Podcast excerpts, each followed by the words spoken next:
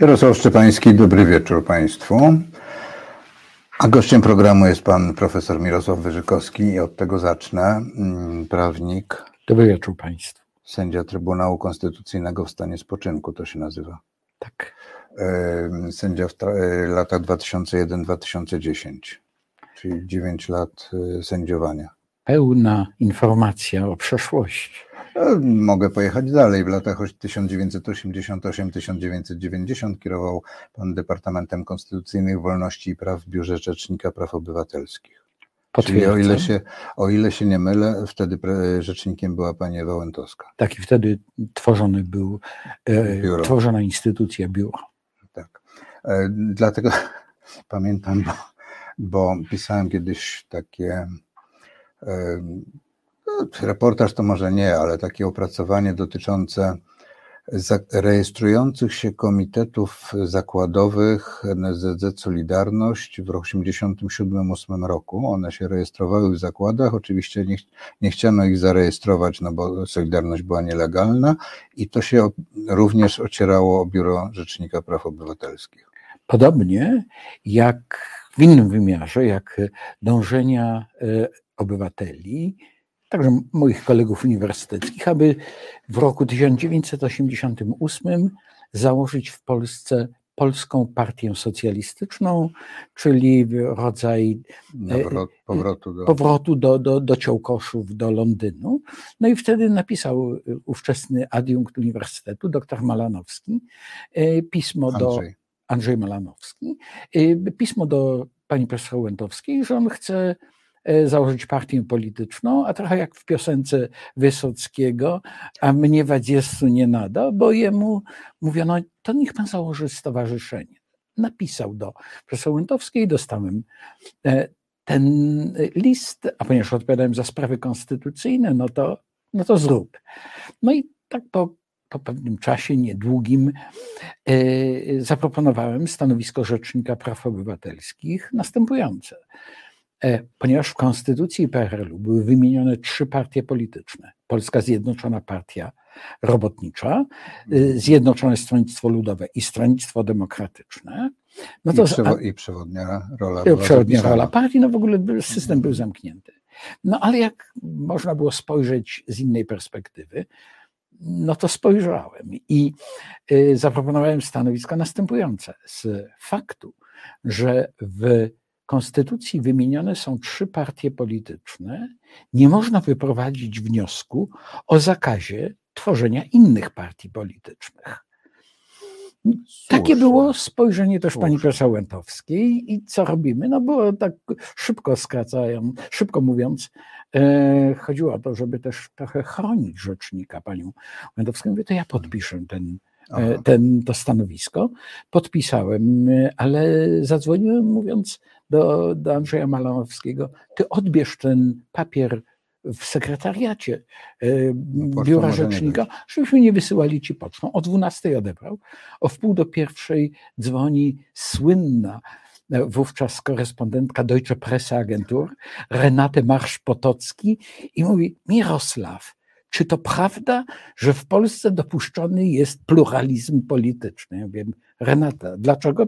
No bo mam tutaj takie stanowisko. O, o, o pierwszej głos Ameryki, o czwartej były konferencje prasowe e, rzecznika rządu, Urbana.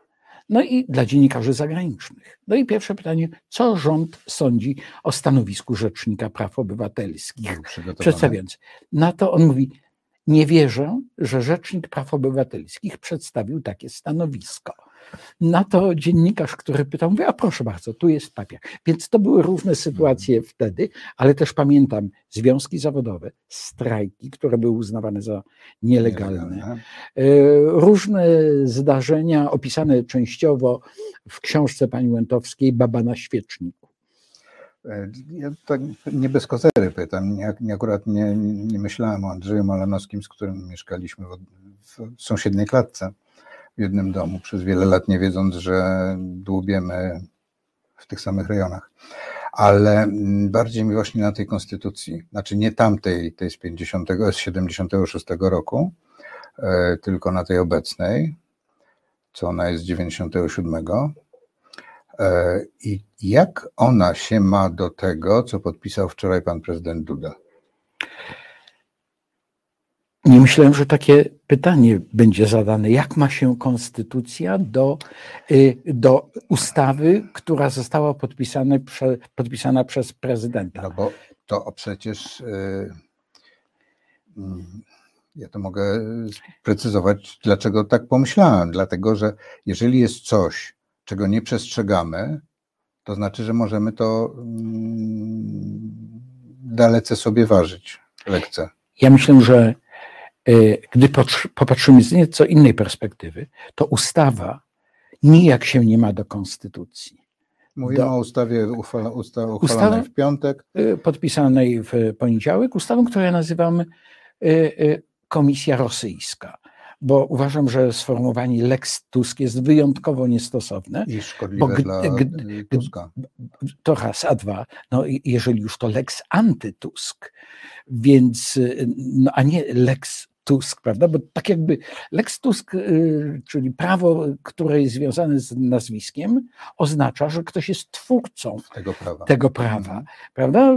Francuzi kiedyś mieli taką, mają obowiązującą ustawę o ochronie języka francuskiego i frankofonii. Tak. Ministrem e, prowadzącym sprawę, ministrem kultury był pan Toubon i e, od tamtej pory jest to loi Toubon, prawda? Ale tutaj jest lex anty Tusk, a nie lex Tusk. Dlatego ja też powtórzę, ustawa o komisji rosyjskiej, dlatego że ta ustawa w pełni odpowiada modelowi rosyjskiemu tworzenia prawa i zawartości prawa. Czyli trójki robotniczo-chłopskie, które y, siadają, stwierdzają, że pan jest pan albo pan jest y, niewłaściwy. No i niegrzeczny, nieposłuszny. Niegrzeczny, tak, jeszcze nie lubi Kaczyńskiego. Ale na pewno lubi y, Rosjan jest pod ich wpływem. No, y... no bo jeżeli nie lubi Rosjan, to po co będziemy wzywali takiego człowieka przed komisję złożoną z dziewięciu osób? Kto, każda z tych osób ma status y, sekretarza stanu z odpowiednim uposażeniem. Wice, coś więcej, więcej niż wiceministra. Y, pierwszy tak, wiceminister. Pierwszy wiceminister, tak. Mhm. prawda? No to, no to jeżeli tak, no to mamy. A to dziewięć nowych samochodów i dziewięć nowych. Y, sekretariatów. Ja myślę, tak, co, co więcej, mm, gdy, y, gdy czytamy, y, jakie przygotowanie zawodowe powinien mieć sekretarz stanu, no to okazuje się, że mm, nie matura, lecz chęć szczera zrobi oficera. z ciebie y, chyba podoficera, bo no tak. y, wprawdzie jest wymóg Y, wykształcenia wyższego lub znajomości funkcjonowania organów administracji publicznej. Bez wykształcenia, jako alternatywa, bez wykształcenia wyższego. To znaczy, o czym sobie pomyślałem. Pracował w... A, dobra. Mhm. Właśnie o tym sobie pomyślałem, że jeżeli mamy w ustawie takie kryterium, no to dla kogoś ono jest przygotowane. By, czyli, czyli szkoła perukarska e, wystarczy? Tego nie wiem. E, nie chodziłem do szkoły perukarskiej, czyli ale. Obu nam by się mogło przydać. Ale, ale może ktoś nam pomoże z perukami. Natomiast jestem bardzo ciekaw, gdy już będą nazwiska, kto nie ma e, wykształcenia wyższego, innymi słowy, dla kogo było, była pisana ta ustawa. Ten dodatek. Ten dodatek, żeby można było. Boże, pisana była przeciwko e, premierowi Pawlakowi i przeciwko premierowi Tuskowi. To jest oczywiste, bo wynika z uzasadnienia ustawy. I jeszcze tam zasadniczo można wstawić w to od razu Radosława Sikorskiego. E, ale nie, nie jest wymieniony. W związku z tym myślę, że w drugiej kolejności. Natomiast mówiąc bardzo poważnie, to jest to ustawa, która może mieć zastosowanie praktycznie do każdego, kogo komisja uzna, że działał pod wpływem e, e, rosyjskim. No, a co to znaczy pod wpływem rosyjskim? A tego nie wiemy, ponieważ nie jest to e, definicji pojęcia działania pod wpływem rosyjskim, nie ma w ustawie, co oznacza, że to jest pozadefinicyjne. to oznacza, Definicja że, poza definicją. że prawdopodobnie y, ustalenie, co oznacza y, y, wpływ rosyjski na bezpieczeństwo państwa polskiego, będzie ustalane przez członków komisji, przy, przez tych sekretarzy stanu. Czyli przy każdym y, stosownie do osoby, którą będą. Stosownie do okoliczności. Tak jest. Właśnie. Bo mamy pojęcie nieostre. Powiedzieć, że jest pojęcie nieostre, to znaczy być nieostrym w ocenianiu takiego pojęcia, ale proszę zwrócić uwagę, że mamy do czynienia z sytuacją, w której zastosowanie tego określenia niedookreślonego będzie podstawą i uzasadnieniem rozstrzygnięcia dotyczącego konkretnej osoby, na przykład y, wyeliminowanie z życia publicznego. No, pan prezydent wczoraj, pan prezydent Andrzej Duda, wczoraj powiedział wieczorem y, czy po południu na spotkaniu publicznym wśród y, pań przebranych w stroje ludowe, nie wiem jakie to były stroje, y, że mm, każdy się będzie mógł odwołać do sądu, jeżeli będzie mu się nie podobała opinia komisji. I rozumiem, że powinniśmy wyrazić w tej chwili ogromną wdzięczność panu prezydentowi za wszystko, co uczynił na rzecz wymiaru sprawiedliwości, abyśmy mieli pewność, że odwołamy się do niezależnego i niezawisłego sądu, który będzie prawidłowo obsadzony i w sądzie nie będzie orzekał żaden neosędzia. No, tylko że, że rzecz dotyczy zupełnie innej kwestii. No właśnie, bo Mianowicie, e, po pierwsze, jest y, jednoinstancyjność postępowania y, y, określona w tej ustawie. To znaczy, rozstrzygnięcie, bo nie chcę powiedzieć, że jest decyzja, bo moim zdaniem decyzja komisji. administracyjna, decyzja administracyjna. To, to jest nazwane jako rozstrzygnięcie, środek zabezpieczający, który ma być traktowany jako decyzja administracyjna. No ale jeżeli mamy decyzję administracyjną, która została wydana, czy będzie wydana w trybie kodeksu postępowania administracyjnego, to kodeks postępowania administracyjnego gwarantuje panu, mnie, każdej osobie odwołanie do wyższej instancji, czyli do drugiej instancji. To wynika z gwarancji konstytucyjnej. Dwuinstancyjność Dlatego postępowania. pytałem o konstytucję. Pewnie jeszcze chwilę porozmawiamy o tym. Wprawdzie Konstytucja mówi, że w wyjątkowych sytuacjach można y, nie y, y, pominąć dwuinstancyjne postępowanie, czyli ograniczyć do jednej instancji, ale to jest wyjątek. A wyjątek, jak uczymy studentów pierwszego roku studiów prawniczych, pewnie o prawnikach też porozmawiamy, Cały Otóż- czas rozmawiamy o prawnikach, otóż- jeżeli o prezydencie, to mówimy o doktorze prawa.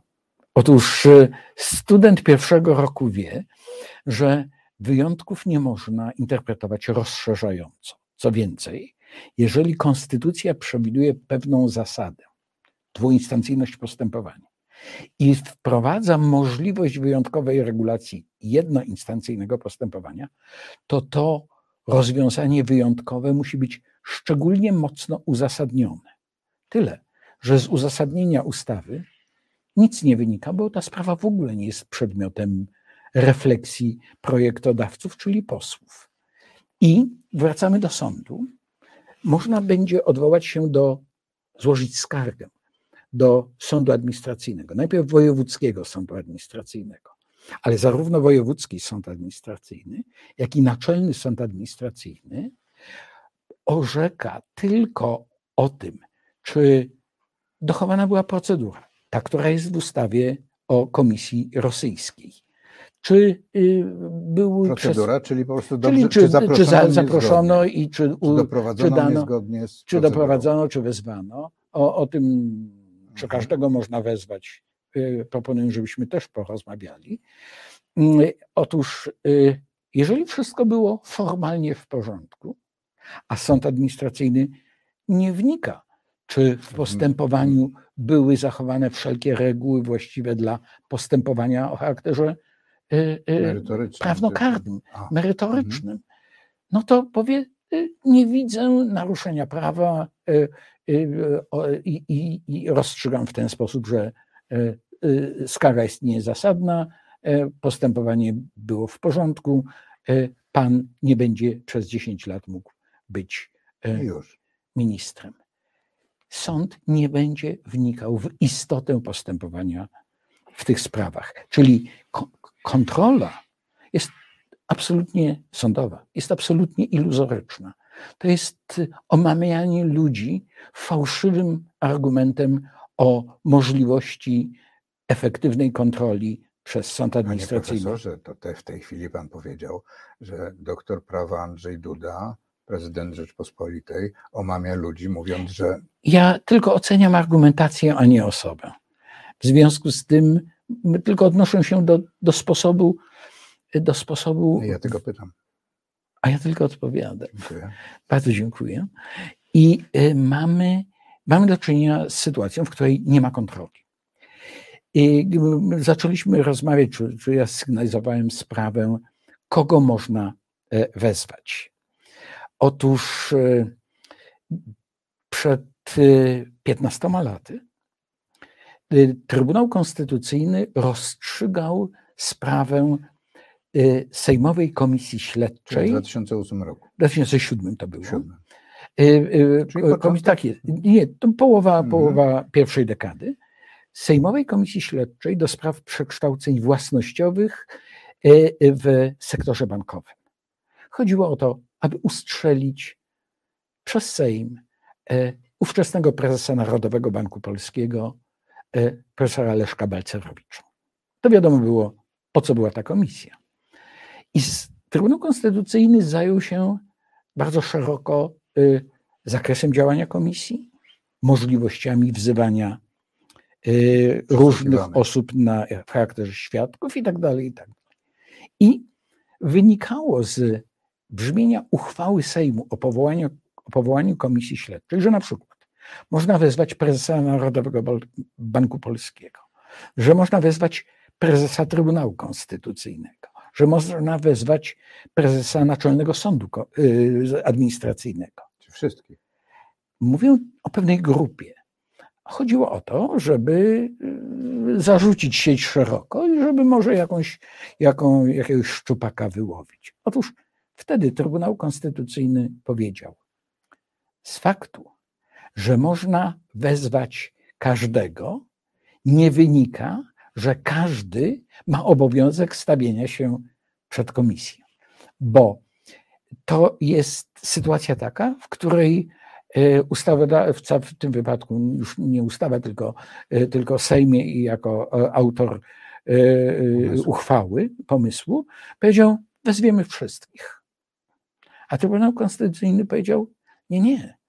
Z tego sformułowania wezwiemy każdego, nie jest tworzona, przepraszam za już taką komplikację prawną, norma kompetencyjna dla komisji śledczej, żeby wezwać każdego bo są pewne sytuacje.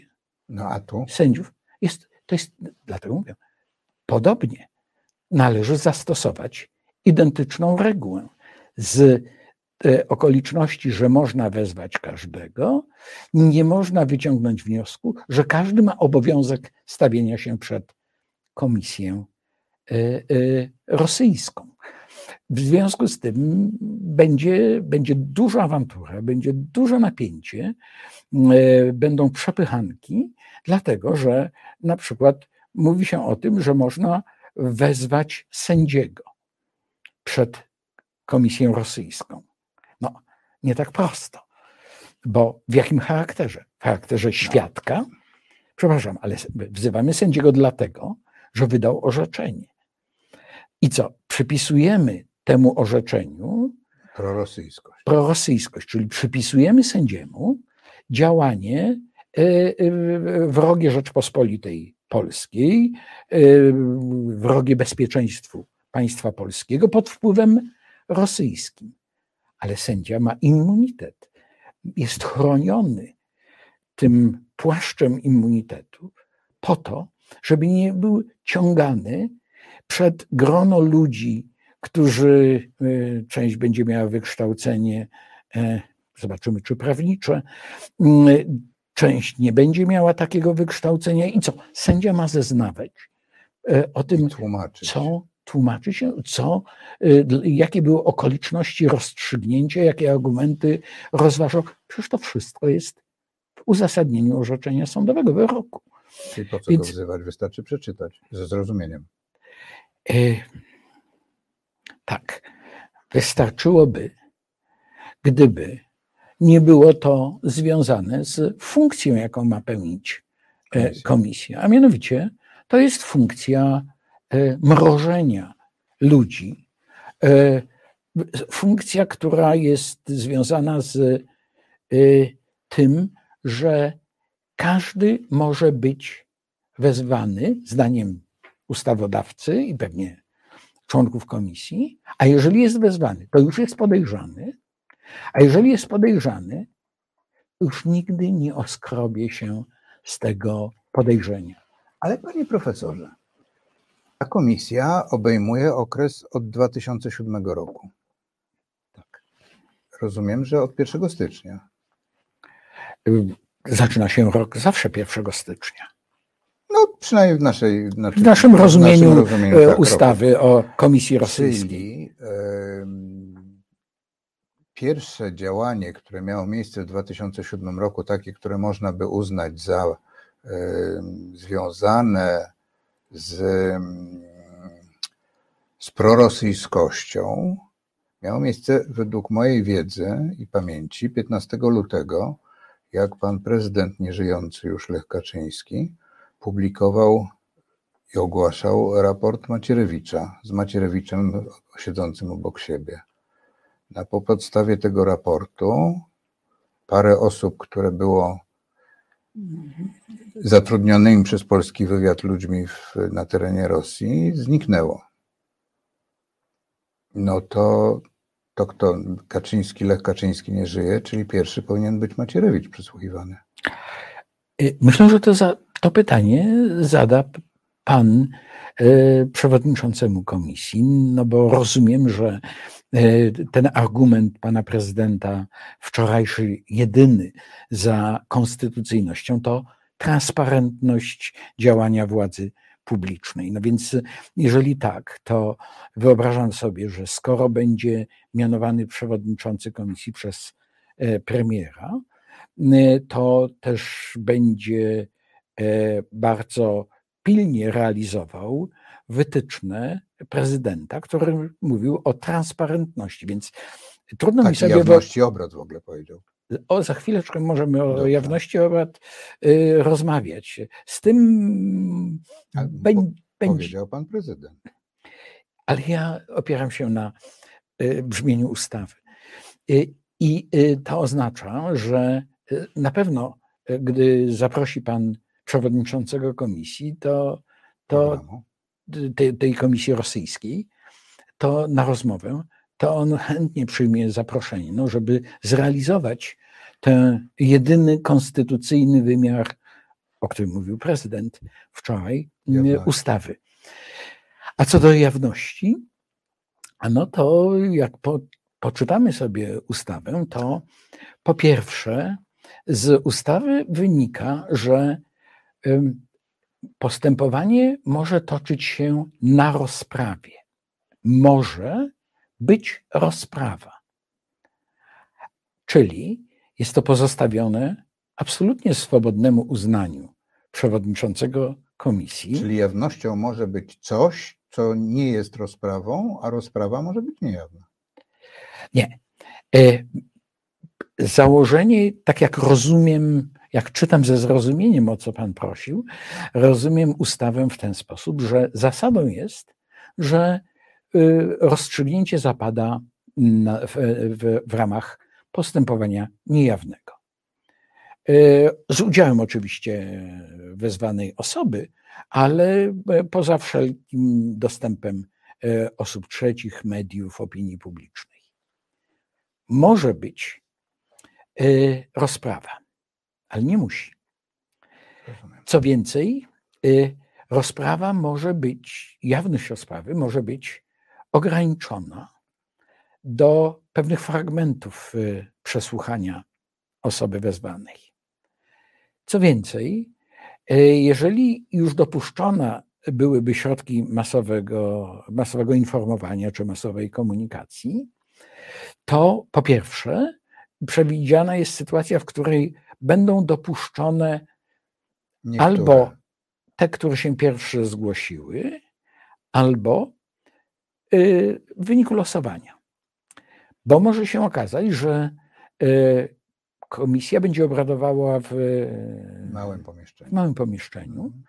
Nie będzie miejsca, nie będzie powietrza.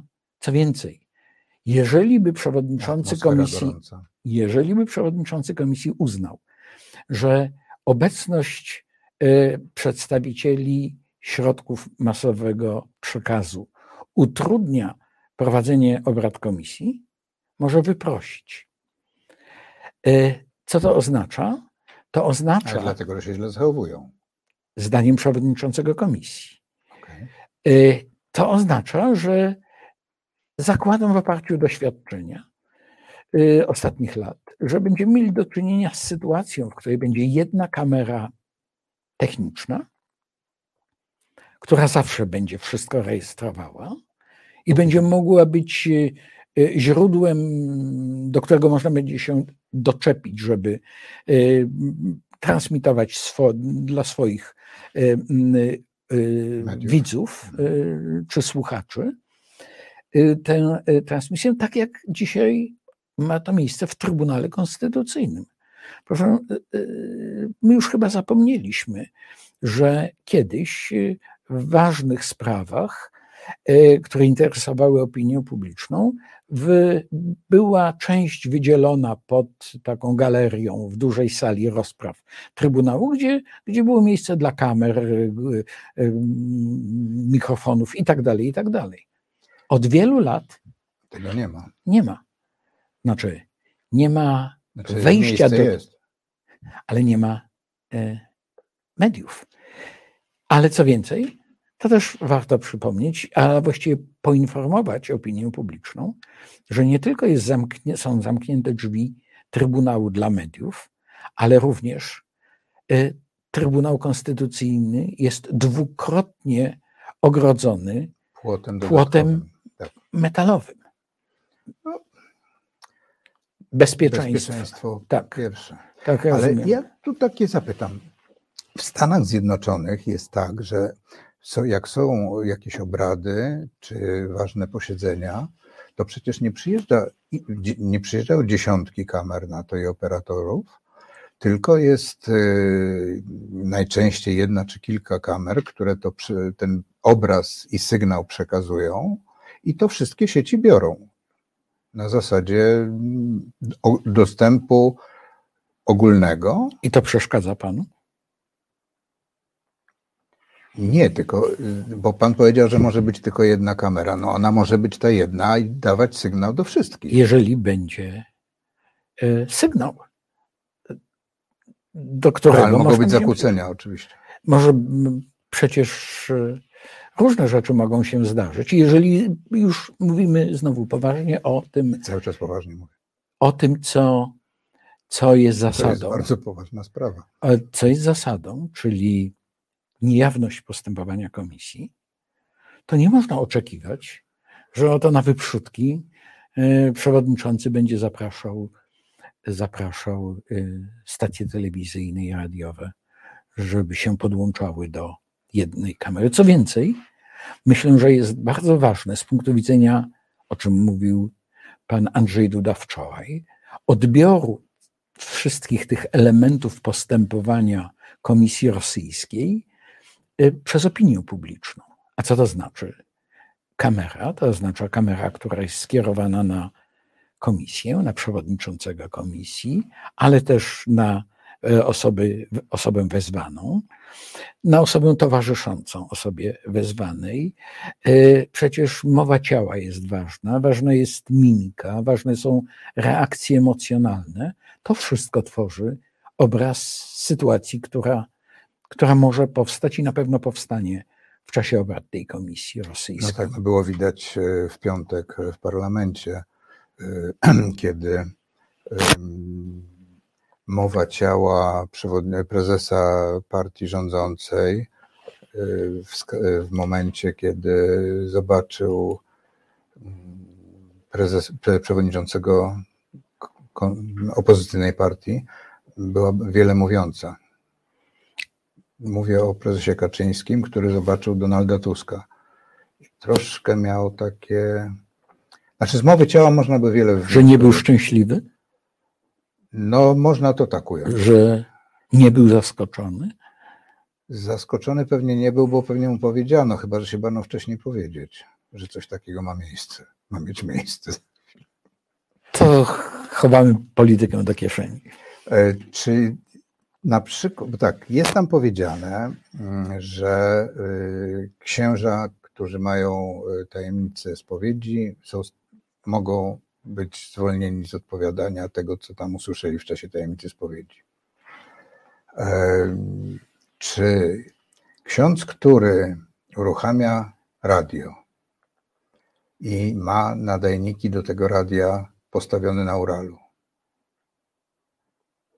czy, mm, bo ja tak sobie myślę po prostu, czy to nie jest podejrzenie tego, że on tym radiem, z tymi nadajnikami, oczywiście z nadajników idzie to, co się nadaje, z, załóżmy, z terenu Polski, ale czy on tymi nadajnikami nie może manipulować, e, mm, właśnie również rosyjsko, wpływać? Tego nie wiem. Nie znam się na mm, tak bardzo na technice nadawania i odbioru, ale... Jeżeli sygnał Wolnej Europy szedł... E, z Monachium. Z, Mon z Monachium była redakcja. Tak, i w Monachium były I też nadajniki. nadajniki tak jest, w ogrodzie angielskim. No właśnie. E, więc e, no to, no to myślę, że pan redaktor sugeruje przewodniczącemu komisji, z kim się spotkać i o czym rozmawiać. To nawet ktoś tu z naszych widzów zapytał o to, albo zasugerował, że to powinna być e, pierwsza osoba, jeśli dobrze zwróciłem okiem, no ale e, to powinna być pierwsza osoba, która powinna być przesłuchiwana. No może nie pierwsza, ja uważam, że pierwsza powinna być, pierwszym powinien być e, mój starszy kolega ze studiów. Historycznych. Historycznych. Tak, tak przypuszczam, że, że to, to, to mogło być ciekawe nie tylko dla historyków, ale i dla współczesności. E, a ja myślę, że to jest, y, dochodzimy jeszcze do innego momentu, bo pytał Pan o, o e, dzień 1 stycznia 2007 roku. Ale proszę zwrócić uwagę, że komisja ta ma e, realizować zadania, które dotyczą zdarzeń od 1 stycznia 2007 do 31 grudnia 2022 roku. Czyli Prawda? to, co się wydarzyło w tym roku, to już nie wchodzi w to.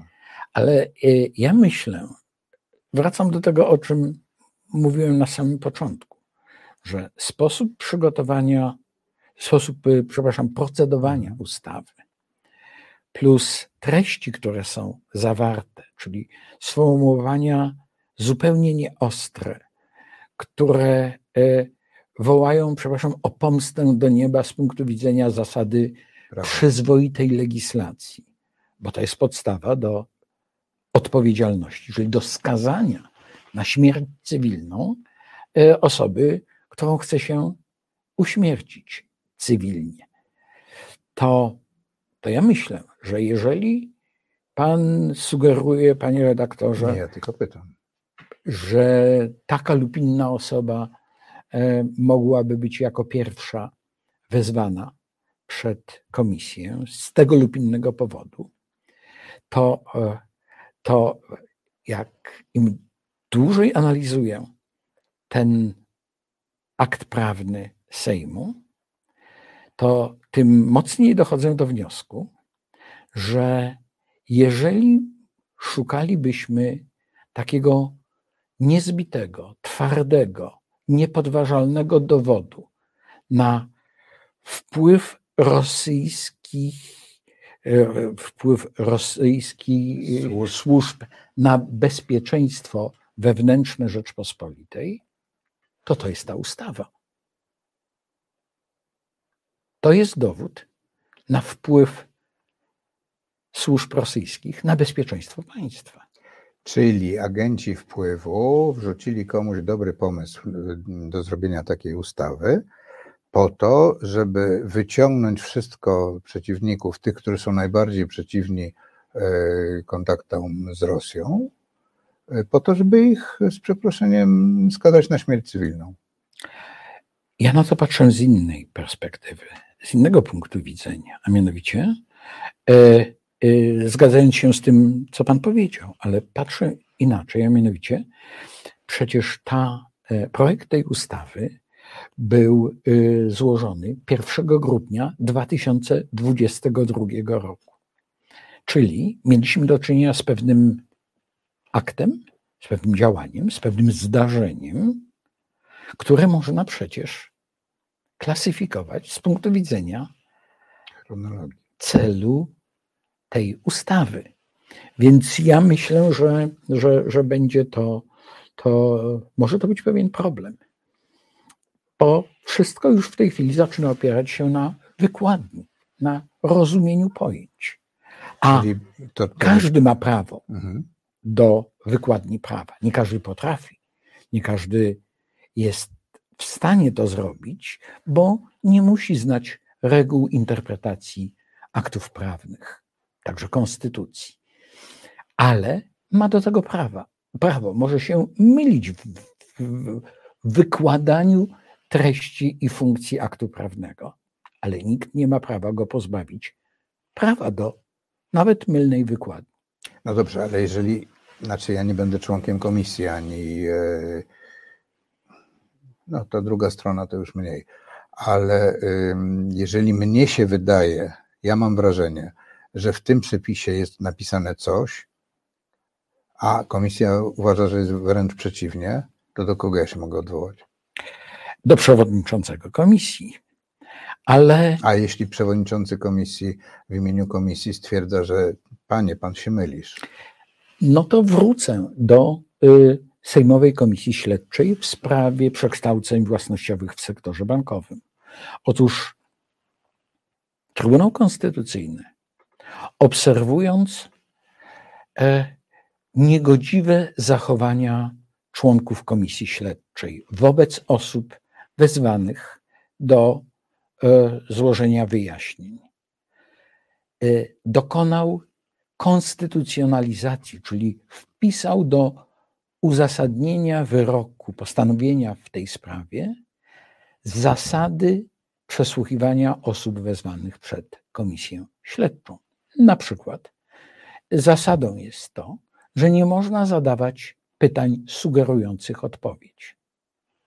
Zasadą jest to, że nie można zadawać pytań, czy zwracać się do osoby przesłuchiwanej w celu uzyskania od tej osoby opinii o wypowiedzi innej osoby. Zasadą jest to, że nie można powtarzać pytań już raz zadanych.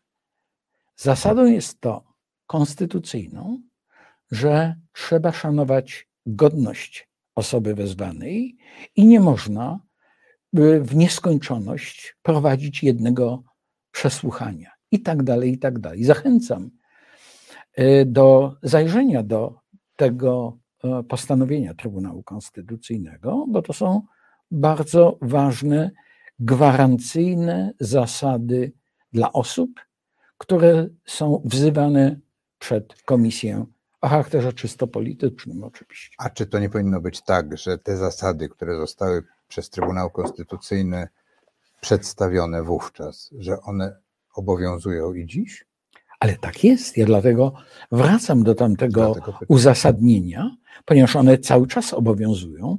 Rzecz jest w tym, żeby po pierwsze wiedzieć, że te zasady mają walor konstytucyjny. Po drugie, żeby móc się na nie powoływać i powiedzieć, panie przewodniczący, pan narusza konstytucję, dopuszczając do zadawania pytań, które zawierają w sobie oczekiwaną odpowiedź czy tezę, która bez względu na to, jaka będzie odpowiedź osoby przesłuchiwanej, zawiśnie w świadomości y, obserwatorów, że oto jest wypowiedź osoby, osoby przesłuchiwanej. To jest ważna funkcja gwarancyjna tych ustaleń Trybunału Konstytucyjnego. Skąd one się wzięły?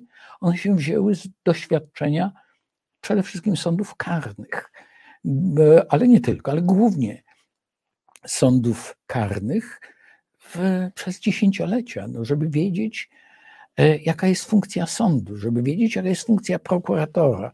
W tym wypadku, no akurat w tej komisji mamy e, i śledczego, i prokuratora, i sędziego w jednym. E, Jeszcze by się przydał. No ale będzie. Przewodniczący. Nie, to, to, to przewodniczący nie będzie katem. Katem będzie skutek. Opinia publiczna. Opinia publiczna, y, a przynajmniej część opinii publicznej, bo, bo, bo część zachowa rozsądek minimalny i dystans do tego, co się będzie działo, ale znaczna część przyjmie y, jako podarunek, czyli igrzyska. Chleba trochę mamy, ale igrzyska są potrzebne zawsze, szczególnie w, w polityce. Pewnie będzie mm, jakaś tam wyrównanie emerytalne w trakcie tej komisji. E, takie no, emerytalne w sensie, nie wiem, 14 emerytury czy jakiejś innej takiej wypłaconej, więc ludzie będą mm, mieli trochę więcej pieniędzy. To już wchodzimy w czystą politykę, a ja się na tym nie znam. A zaprosił mnie jako prawnika. Tak, i właśnie, właśnie sobie przypomniałem, że chciałem porozmawiać w ogóle o biznesach i o tym, jak się przedsiębiorcy wycofują, ale wróćmy do, wróćmy do wpływów rosyjskich. Ale y, tylko mały komentarz. W 2016 roku gościem Akademii Lona Koźmińskiego była Cheryl Blair, y, mecenas, żona premiera Blaira i miała wykład na temat znaczenia rządów prawa dla biznesu. E, e, pamiętam ten wykład, pamiętam atmosferę, bo to była bardzo napięta atmosfera, również dlatego, że to był początek tego e, ruchu walca, który niszczył rządy prawa w Polsce. No i to może zachęcić, byłoby dobrze zachęcić niektórych, żeby żeby wrócili do tego wykładu. On jest publikowany. Dobrze, rozumiem, przeczytam. Żeby, żeby wiedzieć, że to, co jest ustaleniem doświadczenia e, e, e, stosunków własnościowych, kapitałowych w rozwiniętej gospodarce wolnorynkowej, co było powiedziane wiele, wiele lat temu, niestety ziszcza się z nadmiarem w rzeczywistości polskiej. E, I y, bo proszę zwrócić uwagę na co jest ważne w biznesie: zaufanie, pewność regulacji prawnej, niezmienność reguł podatkowych, wszelkich, prawda? Y, one mogą ulegać ewolucji, ale nie mogą być zmieniane e, dzień-noc, prawda? Lewo-prawo, góra-dół. E, a to oznacza, że to wszystko, co jest e, tkanką no, fundamentalną dla prowadzenia działalności gospodarczej, jest oparte na kilku prostych, podstawowych zasadach, które zostały zmienione, Dokładnie. które zostały zniszczone. Bo proszę zwrócić uwagę, no, mówimy o, o łamaniu konstytucji, prawda? Tak jakby, co to znaczy? Konstytucja jest łamana przez konstytucyjne organy państwa, nie przez pana, nie przeze mnie. I, I, jaka jest sytuacja? Sytuacja jest taka, że przez te 8 lat. Przez ostatnich 8 lat. Przez ostatnich 8 lat powstała sytuacja, w której każdy z 12 rozdziałów Konstytucji przepisy tych rozdziałów zostały naruszone. Jeżeli porównamy konstytucję czy życie konstytucyjne państwa, państwo jako pewien mechanizm do zegarka, gdzie mamy koła zębate, prawda? To mamy 12 dużych kół zębatych. To jest 12 rozdziałów Konstytucji. I mamy wiele małych kółek zębatych. To są poszczególne artykuły, przepisy w każdym rozdziale Konstytucji. Jeżeli wszystkie rozdziały Konstytucji mają powyłamywane zęby, to jak może funkcjonować ten, mechanizm? Nie może. To jest tak jak e, prawie mamy korytarz transportowy Bałtyk-Adriatyk, tylko mamy jedną dziurę, bo nie mamy tunelu, który by umożliwiał przejazd przez, przez góry. Wie pan, ale ja bym, ja bym wtedy próbował y, dla realizacji celu większego, jakim jest właśnie y, ruch towarowy i osobowy, zrobić jakiś bypass, jakiś przesmyk, prawda, żeby uratować to, co jest ważne, gdybym chciał, żeby to działało. działało. Ale jeżeli chcę, żeby konstytucja nie działała, no to zrobię to, co, i to jest dramat sytuacji polskiej, że Polska utraciła suwerenność. Polska przestała być w ciągu ośmiu lat państwem suwerennym. Ale to bo nie jest państwem suwerennym takie państwo, w którym jego konstytucyjne organy, prezydent, parlament, rząd, prezes Rady Ministrów, prokurator generalny i pierwsza ofiara walki przeciwko konstytucji, czyli Trybunał Konstytucyjny, stały się organami niszczącymi porządek konstytucyjny państwa. To nie może być państwo suwerenne, bo to oznacza, że konstytucyjne organy państwa zaprzeczają temu, co jest ich zadaniem. Y, piastunowie konstytucyjnych organów państwa nie realizują przysięgi wierności konstytucji. A więc musimy zapytać się, dlaczego to robią? No co nimi inną, powodują? Inną koncepcję prowadzenia państwa. Odpowiadam, że koncepcja prowadzenia państwa, jakakolwiek, jest ograniczona ramami konstytucji. I y, to jest też kwestia rozumienia przepisów konstytucyjnych. Ja mam taki ulubiony cytat y, związany z rozumieniem artykułu 7 Konstytucji. Tylko raz wymieniłem jeden artykuł, mhm. prawda? Tak. Mianowicie, że y, organy państwa działają na podstawie i w granicach prawa. I doszło do pewnego sporu, pozornego, bo to nie był spór, tylko e, temu szczególnemu rozumieniu konstytucji, jej wykładni, e, nadano e, szatę, pozór sporu o wykładnię konstytucji i najwyższy ówczesny urzędnik w kancelarii prezydenta, pan minister Szczerski, wygłosił następującą interpretację. interpretację, ale muszę odczytać, dlatego że nie jestem w stanie zapamiętać, co jest oczywiście moją winą, ale to jest poza możliwościami mojego e, umysłu. Więc cytuję wypowiedź ministra kancelarii prezydenta. Obecnie ambasadora Polski e, w ONZ. Otóż organy państwa działają na podstawie i w granicach prawa. To jest brzmienie artykułu siódmego. I dalej. Jeżeli ktoś wykracza poza granicę, to nie ma zakazu działania poza granicami prawa, ponieważ jest nakaz działania w granicach prawa. Kropka. Nie ma przepisu prawnego zakazującego działania poza prawem, bo jest nakaz działania w ramach prawa. Rozumie pan, dlaczego nie jestem w stanie tego się nauczyć? No bo to zaprzeczam mojemu. Ale czy to jest, to nie jest, to nie jest Jacek Fedorowicz?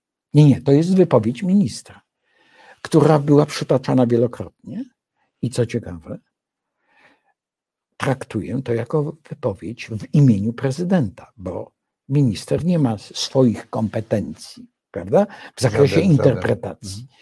Żaden. I I prezydent nigdy nie, nie zdementował, nie odciął się, nie, nie stwierdził, o to jest pomyłka, to źle rozumieliśmy, państwo źle zrozumieli wypowiedź mojego ministra.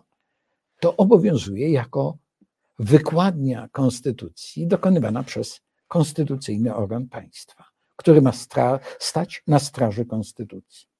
Czy to nie jest, a może nie zrozumiał pan prezydent? Ja nie zrozumiałem no, to wiem, wypowiedzi. To ja też nie za bardzo, ale to sobie się nie tego, nie, nie, nie, jakby ktoś powiedział, nie mam wiedzy na ten temat, ponieważ też w tym temacie, w tym temacie, w tym temacie e, więc nie potrafię odpowiedzieć na to pytanie. Czy to oznacza, że komisja rosyjska, czy do spraw wpływów rosyjskich, jak ją zwał, będzie działała całkowicie poza konstytucją? Czyli inaczej mówiąc, pan prezydent, przepraszam, że przedłużę pytanie, e, wiem, że mi nie wolno, e, czyli prezydent podpisując ustawę, łamiąc konstytucję, wykraczał poza, jak to jest napisane? Poza granice prawa. Bardzo proszę. Oj, cieszę się, że jestem w takim dobrym towarzystwie. I Czyli wyszedł z założenia, że nie ma przepisu prawnego zakazującego działania poza prawem, bo jest nakaz działania w ramach prawa. Tak. Można przyjąć, że taka jest interpretacja, ale co więcej, mamy do czynienia z sytuacją e, dla prawnika niezwykle trudną do zrozumienia, bo prezydent podpisał ustawę, o której wiedział, że łamie konstytucję, ponieważ w tym samym oświadczeniu stwierdził, że skieruje sprawę do Trybunału Konstytucyjnego. Co to znaczy skierowanie sprawy do Trybunału Konstytucyjnego? Uznanie, że jest niekonstytucyjne. To znaczy, to znaczy stworzenie dokumentu, który będzie zawierał przemożną, przeważającą argumentację o niekonstytucyjności przepisów ustawy, którą prezydent podpisał. Czyli zapowiedź weta, y, przepraszam, zapowiedź kontroli y, y, nieprewencyjnej, tylko następczej przez prezydenta, który mówi: Podpisuję dzisiaj ustawę, wiedząc, że ona jest niezgodna z konstytucją, bo przecież ta argumentacja będzie zawarta w moim wniosku do Trybunału Konstytucyjnego, e, nie pozwala w sposób racjonalny wytłumaczyć e, porządku konstytucyjnego w państwie. A czy to nie jest tak, że prezydent podpisując to, co podpisał, kierując do Trybunału Konstytucyjnego, zdejmuje z siebie ewentualny zarzut, który mu kiedyś będzie można postawić, że działał niezgodnie z konstytucją, bo przecież skierował do Trybunału Konstytucyjnego. Ja myślę, bo to też nad tym się zastanawiałem. Myślę, że proces e, rozumowania był następujący. Ponieważ wiem, że, że ustawa jest niezgodna z konstytucją, to ją podpisuję. Ale ponieważ może okazać się, że średnik lub przecinek w tej ustawie są zgodne z konstytucją, to zaskarżam ją do Trybunału Konstytucyjnego. To jest. Y, czy rozmawiamy bardzo poważnie, a ja cały czas mam wrażenie, znaczy, że wisi nad nami taki miecz Demoklesa, który nas przetnie po prostu, bo rozkawałkuje, a jednocześnie jest to śmieszne, bo to jest po prostu, no, kupy się nie trzyma. Y, jest chyba jeszcze Gorzej. poważniej, dlatego że jeżeli popatrzymy na y, zdarzenia, które miały miejsce w ciągu ostatnich prawie ośmiu lat, to można dojść do wniosku, że Polska jest państwem konstytucyjnie upadłym, że konstytucja nie ma żadnego znaczenia. A jeżeli konstytucja nie ma znaczenia, to już nic w państwie nie ma znaczenia. To jest perspektywa prawnika, oczywiście. Ale hmm, przecież konstytucja to nie jest nic innego jak granica władzy politycznej. I to jest nic innego jak umowa, jaką zawarliśmy my jako społeczeństwo w akcie potwierdzającym, referendalnym, potwierdzającym przyjęcie Konstytucji z 2 kwietnia 1997 roku. I ta umowa między nami, społeczeństwem, a władzami publicznymi, władzą publiczną, polityczną, została przez tę władzę, władzę złamana. Czyli podsumowując nasze, naszą, chciałem powiedzieć, niezwykle ciekawą, ale niezwykle smutną rozmowę, to wniosek z tego jest prosty. Nie jesteśmy państwem przestrzegającym konstytucji, czyli nie, jeżeli nie przestrzegamy traktatu lizbońskiego i jeszcze mamy pretensje cały czas o to, że nie chcą nam dać tych pieniędzy, a jeszcze y, y, żądają od nas jakieś, jakichś pieniędzy za y, nieprzestrzeganie prawa, to znaczy, że my jesteśmy już poza Unią Europejską. Jesteśmy formalnie. Jeszcze formalnie członkami, jesteśmy, tak. Ale przecież Unia to jest wspólnota wartości. To jest wspólnota zasad i reguł, na które wszyscy członkowie Unii Europejskiej, wszystkie państwa zgodziły się. Podpisując traktat podpisując, lizboński, przystępując, tak jest, Lech Kaczyński. Lech Kaczyński. Mhm. I to oznacza, że mamy do czynienia z sytuacją, w której nasz wizerunek jest kompletnie zniszczony, wizerunek Polski. E, co e, straciliśmy? No, straciliśmy demokrację straciliśmy pewność prawa, zarówno wewnętrzne, zaufanie do prawa. zaufanie do prawa, bezpieczeństwo prawne. E, a no dobrze, straciliśmy obraz lojalnego, e, uczciwego partnera w stosunkach międzynarodowych. No a co, co zyskaliśmy? No bo jak się coś traci, to coś się zyskuje. I myślę, że zyskali, zyskaliśmy no wizerunek e, awanturnika politycznego i wizerunek e, analfabety prawnego. No ale nie wiem, czy to jest zysk. No już raz mieliśmy w Szlachecką od czasu zerwania pierwszego Sejmu w 1648 roku, to zaczęliśmy mieć wizerunek takiego Warchoła. Warchoła. Tak. Uczymy się. Od najlepszych od siebie samych. Historia magistra Vita. Bardzo dziękuję, panie profesorze. Mm. Profesor Mirosław Wyrzykowski, były sędzia Trybunału Konstytucyjnego. Nie, dobrze powiedziałem, sędzia Trybunału Konstytucyjnego w stanie spoczynku. Ale bardzo dziękując za, za możliwość rozmowy, jeszcze dodaję od kilku lat, że zmieniłem zawód i że Jestem od siedmiu lat psychoterapeutą konstytucyjnym.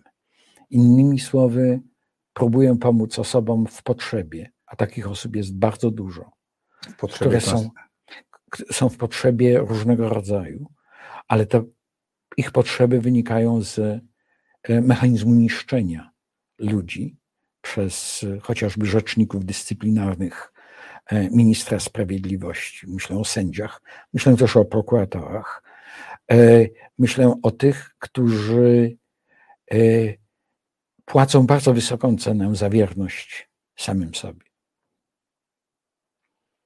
Ale to się, znaczy, to się, znaczy, to nie może się, nie, nie, można tego mówić w kategorii, że się opłaca być wiernym swoim ideałom. Swojego...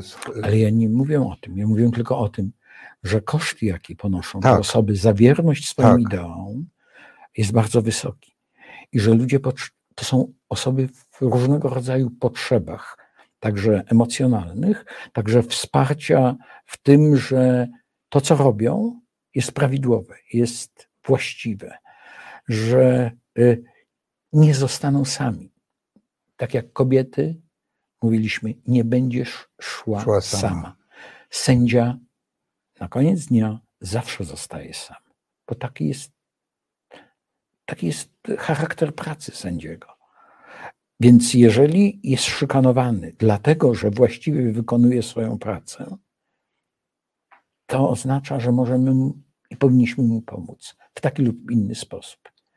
Czyli o kondycji mm, sądów y, i prawa, y, tego prawa, które my znamy, takiego najbardziej bezpośredniego, czyli jak idziemy do sądu, połowa jest zadowolonych, połowa nie, a teraz wszyscy niezadowoleni, bo są sprawy się ciągną ileś miesięcy dłużej. To czy pan profesor zechce porozmawiać kiedyś jeszcze? Tak, tym bardziej, że ci, którzy wygrali, sprawy wcale nie są, nie mogą być pewni, że to jest Kasacja, rozstrzygnięcie kasacja wyrok. Ziobry. Nie, nie tylko kasacja Ziobry, ale również e, e, żądanie e, wzruszenia wyroku z tego względu, że orzekał sędzia powołany przez prezydenta w trybie procedury niekonstytucyjnej od 2018 roku, czyli od zmiany ustawy o Krajowej Radzie Sądownictwa. A miało być tak pięknie. Jeszcze będzie pięknie. E, Ja przypomnę tylko na koniec, że premier Tadeusz Mazowiecki kiedyś zapytany o to, kiedy, mm, premierze, kiedy będzie, no tak już normalniej, to się zamyślił, powiedział, no po pustyni błąkano się 40 lat. Padło zdanie, premierze odpuść. 30, ale nie sądzę, żebym się mylił co do tych 40 minimum. Będziemy mieli bardzo długi okres wychodzenia y, ze zniszczonego państwa konstytucyjnego i budowania na nowo porządku prawnego i porządku społecznego. A jesteśmy gotowi jako społeczeństwo do tego, żeby zmienić Pierwszym testem na gotowość y, będzie y, spotkanie 4 czerwca, ale testem, czyli egzaminem, będzie dzień, w którym mm, będą miały miejsce wybory, wybory parlamentarne. jeśli będą. Zakładamy, że będą. Są w prawie y, pewne założenia, tak zwane domniemania. I są domniemania obalalne i nieobalalne. Więc zobaczymy, e, które z tych domniemań, o których z tych domniemań Pan mówi, pytając, czy będą. Посмотрим, увидим, сказал слепой. Dziękuję bardzo. Bardzo dziękuję. Dziękuję Państwu. Gościem Szczepańskiego, czyli moim, był pan profesor Mirosław Żykowski. To już mówiłem, sędzia Trybunału Konstytucyjnego w stanie spoczynku i doradca mm, duchowy? Psychoterapeuta, Psychoterapeuta. konstytucyjny. Tak bardzo ciekawe. Psychoterapeuta konstytucyjny zapiszemy i tak podpiszemy. Dziękuję bardzo. Bardzo dziękuję.